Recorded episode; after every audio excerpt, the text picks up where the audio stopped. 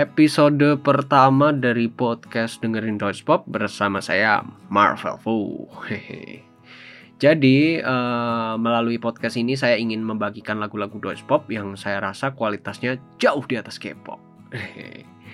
Bukannya saya punya masalah sama fans K-pop atau gimana?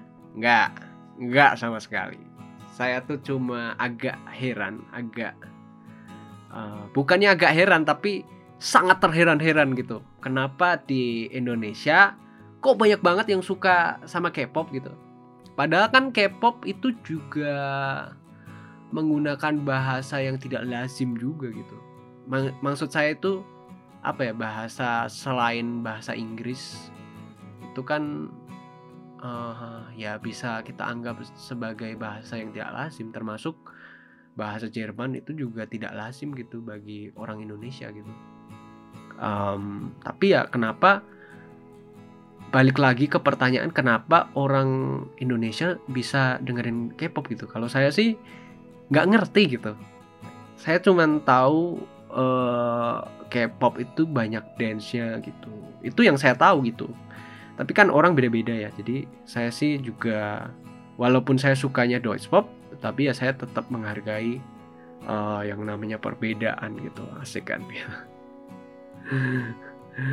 um, saya saya sih heran sih jujur. Karena kan bahasa Korea kan nggak gampang.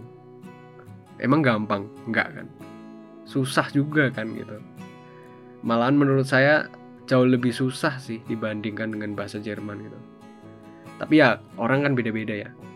Jadi ya saya kembali lagi uh, saya mau katakan saya menghargai perbedaan gitu. Asik Jadi intinya semoga melalui podcast ini hegemoni K-pop di Indonesia dapat sedikit mendapatkan perlawanan. Merdeka. ini saya ngomong kayak gini kayak mau cari ribut gitu. Tapi enggak, enggak. Ya saya sih kan cuman berpendapat aja gitu. Karena kan saya dilindungi undang-undang. Saya punya kebebasan untuk berekspresi. Saya punya kebebasan untuk berpendapat gitu. Dan sampai detik ini saya masih berpendapat gitu. Pendapat saya masih belum berubah bahwa Deutsch pop jauh lebih keren daripada K-pop. Asik. Tapi ya gini loh uh, semuanya pasti balik lagi ke yang dinamakan Gesmackssache gitu. Istilah Gesmackssache itu itu bahasa Jerman gitu um, ya pokoknya selera yang namanya selera itu nggak bisa diperdebatkan gitu. Ini tahun 2022 dan pastikan kita udah bosen kalau mendengar perdebatan bubur diaduk versus bubur tidak diaduk ya. kayak ya ampun ngapain sih memperdebatkan itu gitu dan kalau cuman untuk bahas apa cuman untuk uh, basa-basi gitu masih oke okay lah gitu. Tapi kalau udah yang sampai jadi perdebatan itu udah nggak lucu coy. Itu udah kayak apa ya? Aduh udah nggak masuk akal sih gitu. Ya kalau orang berdebat agama gitu terus uh, ya mungkin ya jatuh-jatuhnya kan juga nggak akan ada kesimpulan gitu kan. Jadi ya bisa dibilang cukup bisa dibilang itu merupakan debat kusir gitu bagi sebagian orang gitu. Tapi itu masih apa ya? Masih make sense gitu. Masih masuk akal gitu dibandingin kalau orang berantem gara-gara bubur diaduk versus bubur tidak diaduk. Aduh, udah itu nggak masuk akal gitu. Tapi ya itulah uh, yang dinamakan gesmaksahe gitu. Jadi emang selera nggak bisa diperdebatkan gitu. Jadi ya kita harus menghargai selera orang, kita harus menghargai pendapat orang. Um, jadi ya intinya seperti itulah. Um, saya kok jadi ngomongnya ke mana-mana gitu. Ya pokoknya intinya selera nggak bisa diperdebatkan Monggo kalau lebih suka K-pop silahkan dengerin K-pop. Kalau saya sih sukanya Deutsch pop asik. Yuk, tanpa berlama-lama saya akan memutarkan sebuah lagu yang emang udah lumayan lama tapi kayaknya masih relevan dan belum kemakan zaman gitu. Jadi lagu ini tuh keluaran tahun 2013 dan um, lagunya cukup sederhana dan mudah dipahami. Jadi saya harap Anda yang mungkin masih baru belajar bahasa Jerman juga bisa dengan mudah menikmatinya gitu. Ya kalau agak nggak ngerti bisa Google Translate. Saya aja juga sampai sekarang masih kadang-kadang uh, harus Google Translate atau harus googling gitu. Ini artinya apa? Ya itu wajar sih. Um, tapi ya itu tidak apa ya tidak mengalahkan semangat saya untuk menikmati Deutsche Pop gitu. ya begitulah um, jadi di lagu ini uh, si pencipta lagu Yvonne Katterfeld itu mengibaratkan hati atau perasaan kita manusia dalam menghadapi kehidupan yang penuh masalah ini itu kayak apa ya kayak sebuah pendel alias bandul gitu. Buat yang mungkin nggak tahu bandul itu kayak gimana, lihat aja cover dari episode kali ini. Um, ya lihat aja di cover dari episode kali ini. Di situ kalian bisa lihat daripada saya harus repot-repot menerangkan harus repot-repot mendeskripsikan. Dan mungkin uh, kalau saya harus menjelaskan bandul itu apa saya juga nggak bisa. Atau mungkin kalau saya berusaha sebisa mungkin dan sekuat kemampuan saya untuk mendeskripsikan itu juga uh, anda juga nggak ngerti gitu. Bisa jadi seperti itu. Jadi ya lihat aja cover dari episode kali ini dan itulah yang dinamakan bandul alias pendel gitu.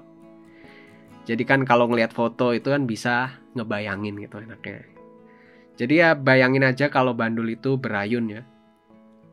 Kalau bandul itu diayunkan uh, dia kan geraknya itu kan bolak balik gitu kan jadi uh, pendel atau bandul itu kan bolak-balik gitu. Seolah-olah perasaan kita tuh lagi kacau gitu. Nah, kan bolak-balik, bolak-balik gitu. Tapi nanti uh, cepat atau lambat uh, kita akan menemukan titik keseimbangannya gitu. Kita akan menemukan titik keseimbangan gitu. Jadi bandul itu lama kelamaan kalau nggak diayunin ya lama kelamaan kan dia akan bergerak ke uh, mendekati titik keseimbangannya dia itu itu di tengah-tengah atau di mana gitu ya pokoknya titik keseimbangannya gitulah jadi itu cukup uh, mungkin peristiwa ini tuh agak bisa sedikit menggambarkan hati dan perasaan kita umat manusia dalam menghadapi kehidupan yang fana ini gitu. Kalau saya sendiri secara personal mungkin ini sedikit uh, cerita gitu. Kalau ngedengerin lagu ini saya sih pasti teringat tentang masa-masa awal saya di Jerman gitu. Mungkin itu um, salah satu masa tersulit di hidup saya. Dan lagu ini tuh sangat relate dengan perjuangan saya untuk bisa survive di lingkungan baru pada saat itu.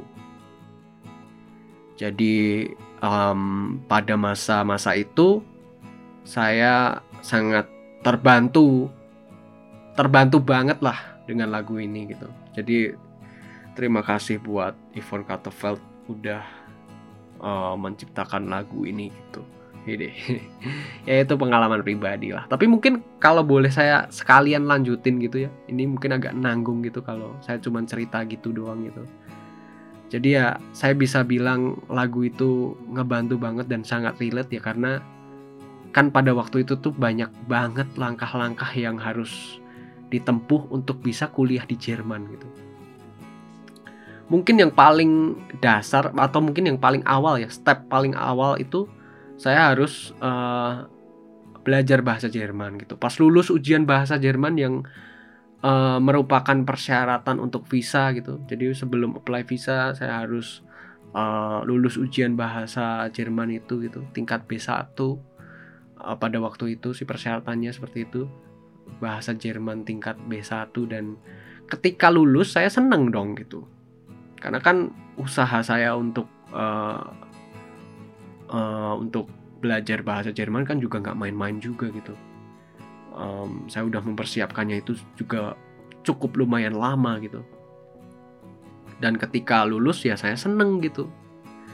Tapi nggak lama kan uh, saya harus ngurus uh, ngurus banyak hal gitu kan. Uh, saya harus ngurus-ngurus apa harus ngurus visa gitu. Dan ngurus hal-hal yang lainnya gitu. Pas udah dapat visa juga seneng lagi gitu. Tapi kan harus siap-siapin langkah selanjutnya juga gitu. Dan itu nggak sesederhana setelah dapat visa ya udah seneng-seneng terus beli tiket pesawat terus hura-hura gitu. Nggak nggak. Saya masih harus uh, kirim-kirim surat lamaran ke uh, beberapa student college gitu ya saya harap anda mengerti apa yang dinamakan student college gitu. Um, pokoknya intinya itu semacam kelas penyetaraan gitu buat yang mau kuliah di Jerman. Um, ya kurang lebih seperti itulah. Jadi uh, yang namanya student college itu ya. Um, tapi kan eh, nggak uh, cukup uh, apa ya nggak cukup ngelamar doang gitu terus diterima nggak gitu. Saya harus uh, belajar untuk mempersiapkan uh, buat Aufnahmeprüfung gitu. Jadi kayak uh, ujian masuk gitu buat uh, buat ujian masuk student college itu gitu. Dan um, yang membuat saya agak shock itu ya saingannya itu berjubel-jubel gitu. Jadi aduh ketika antri gitu kan antri panjang gitu buat ujian gitu saya aduh rasanya itu pingin balik gitu. Saya rasa uh, aduh ini salah ini gitu. Kayak apa ya aduh saya merasa kayak oh gila gitu saya sekolah aja juga nggak begitu niat gitu. Uh, sebelum sebelumnya uh, saya uh, mungkin seperti itu gitu. Tapi ya udah gitu mau gimana lagi udah terlanjur gitu. Ya akhirnya saya jalanin gitulah. Jadi ya saya ikuti prosesnya gitu dan um, apa ya ya memang apa ya menakutkan gitu. Seolah-olah ya menakutkan gitu. Uh, apalagi pada saat itu kan saya belum punya banyak teman gitu di Jerman gitu. Jadi ya mungkin bisa kebayang seberapa beratnya seberapa sulitnya gitu. Tapi ya uh, mungkin apa ya saya bisa cerita ini ya karena udah melewati hal itu gitu. Tapi kan apa ya saya tuh pingin supaya dari pengalaman ini saya juga belajar juga gitu. Jadi uh, saya juga pingin belajar dari pengalaman gitu maksudnya. Uh, eh, kayak saya rasa sih itu kita semua harus gitu sih harus belajar dari pengalaman sih gitu um, supaya kita nggak mungkin uh, apa ya mungkin istilahnya supaya kita nggak jatuh di lubang yang sama itulah. Ya pokoknya seperti itulah. Um, jadi ya akhirnya juga singkat cerita saya dapat yang namanya student college itu. Pas dapat ya seneng gitu. Tapi kan um, terus saya harus menghadapi masalah baru lagi kan gitu saya harus kerja keras lagi saya harus belajar lagi gitu yap harus kerja keras lah gitu buat uh, steps selanjutnya gitu sampai kuliah, lulus, kerja, nikah, terus aja gitu. Ya itulah yang dinamakan kehidupan gitu. Jadi ya uh, apa ya? Um, bukan berarti uh, kalau misal uh, udah kerja, udah selesai kerja atau mungkin udah selesai kuliah atau selesai apa gitu, ya udah udah uh, itu bukan berarti kehidupan selesai gitu. Masih ada um, bagian hidup selanjutnya gitu. Dan itulah yang dinamakan kehidupan gitu. Jadi intinya adalah uh, saya cuma mau bilang gitu. Ini mungkin saya ngomongnya agak ke mana-mana gitu. Karena saya agak cerita tentang kehidupan saya di masa lalu gitu Tapi saya uh, cuman mau bilang gitu, ketika anda putus asa dan mungkin menemui kebuntuan seolah-olah anda sedang berada di titik terendah gitu, tetaplah tenang gitu. Ingat filsafat bandul atau pendel ini, biarin aja terus berayun karena um, um, apa ya semuanya bakal membaik cepat atau lambat gitu. Dan inilah uh, lagu berjudul Pendel dari Yvonne Katterfeld. Selamat menikmati Lost Kid. Weißt du noch deine erste Wohnung? Die große Stadt, du kamst nicht zurecht. Damals war dir alles fremd und jetzt bist du nicht mehr weg. Weißt du noch deine erste Krise? Später hat sie sich ins Glück geht es immer mal hin und her. Dein Herz ist ein Pendel, es schlägt und schlägt aus. Solange sich's bewegt, bewegst du dich auch. Dein Herz ist im Wandel, wann immer du glaubst. Du wirst am Boden, ziehst dich nach oben, lass es noch weiter schwingen. Es wird dich weiterbringen. Das Herz ist ein Pendel, schlägt und schlägt aus.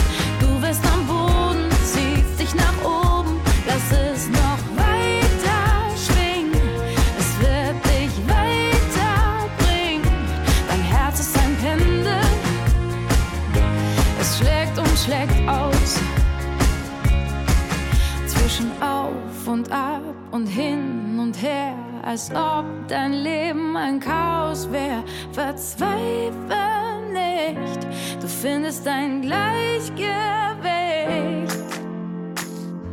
Dein Herz ist ein Pendel, es schlägt und schlägt aus.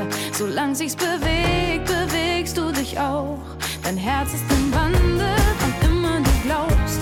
Du bist am Boden, ziehst dich nach oben. Lass es noch weiter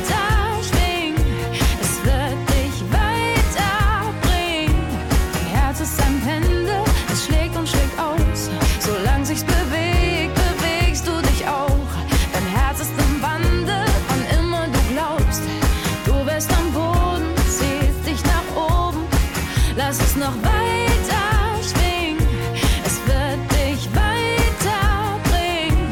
Das Herz ist ein Pendel, es schlägt und schlägt aus. Es schlägt und schlägt aus. Es schlägt und schlägt aus. Es schlägt und schlägt aus. Es schlägt und schlägt aus.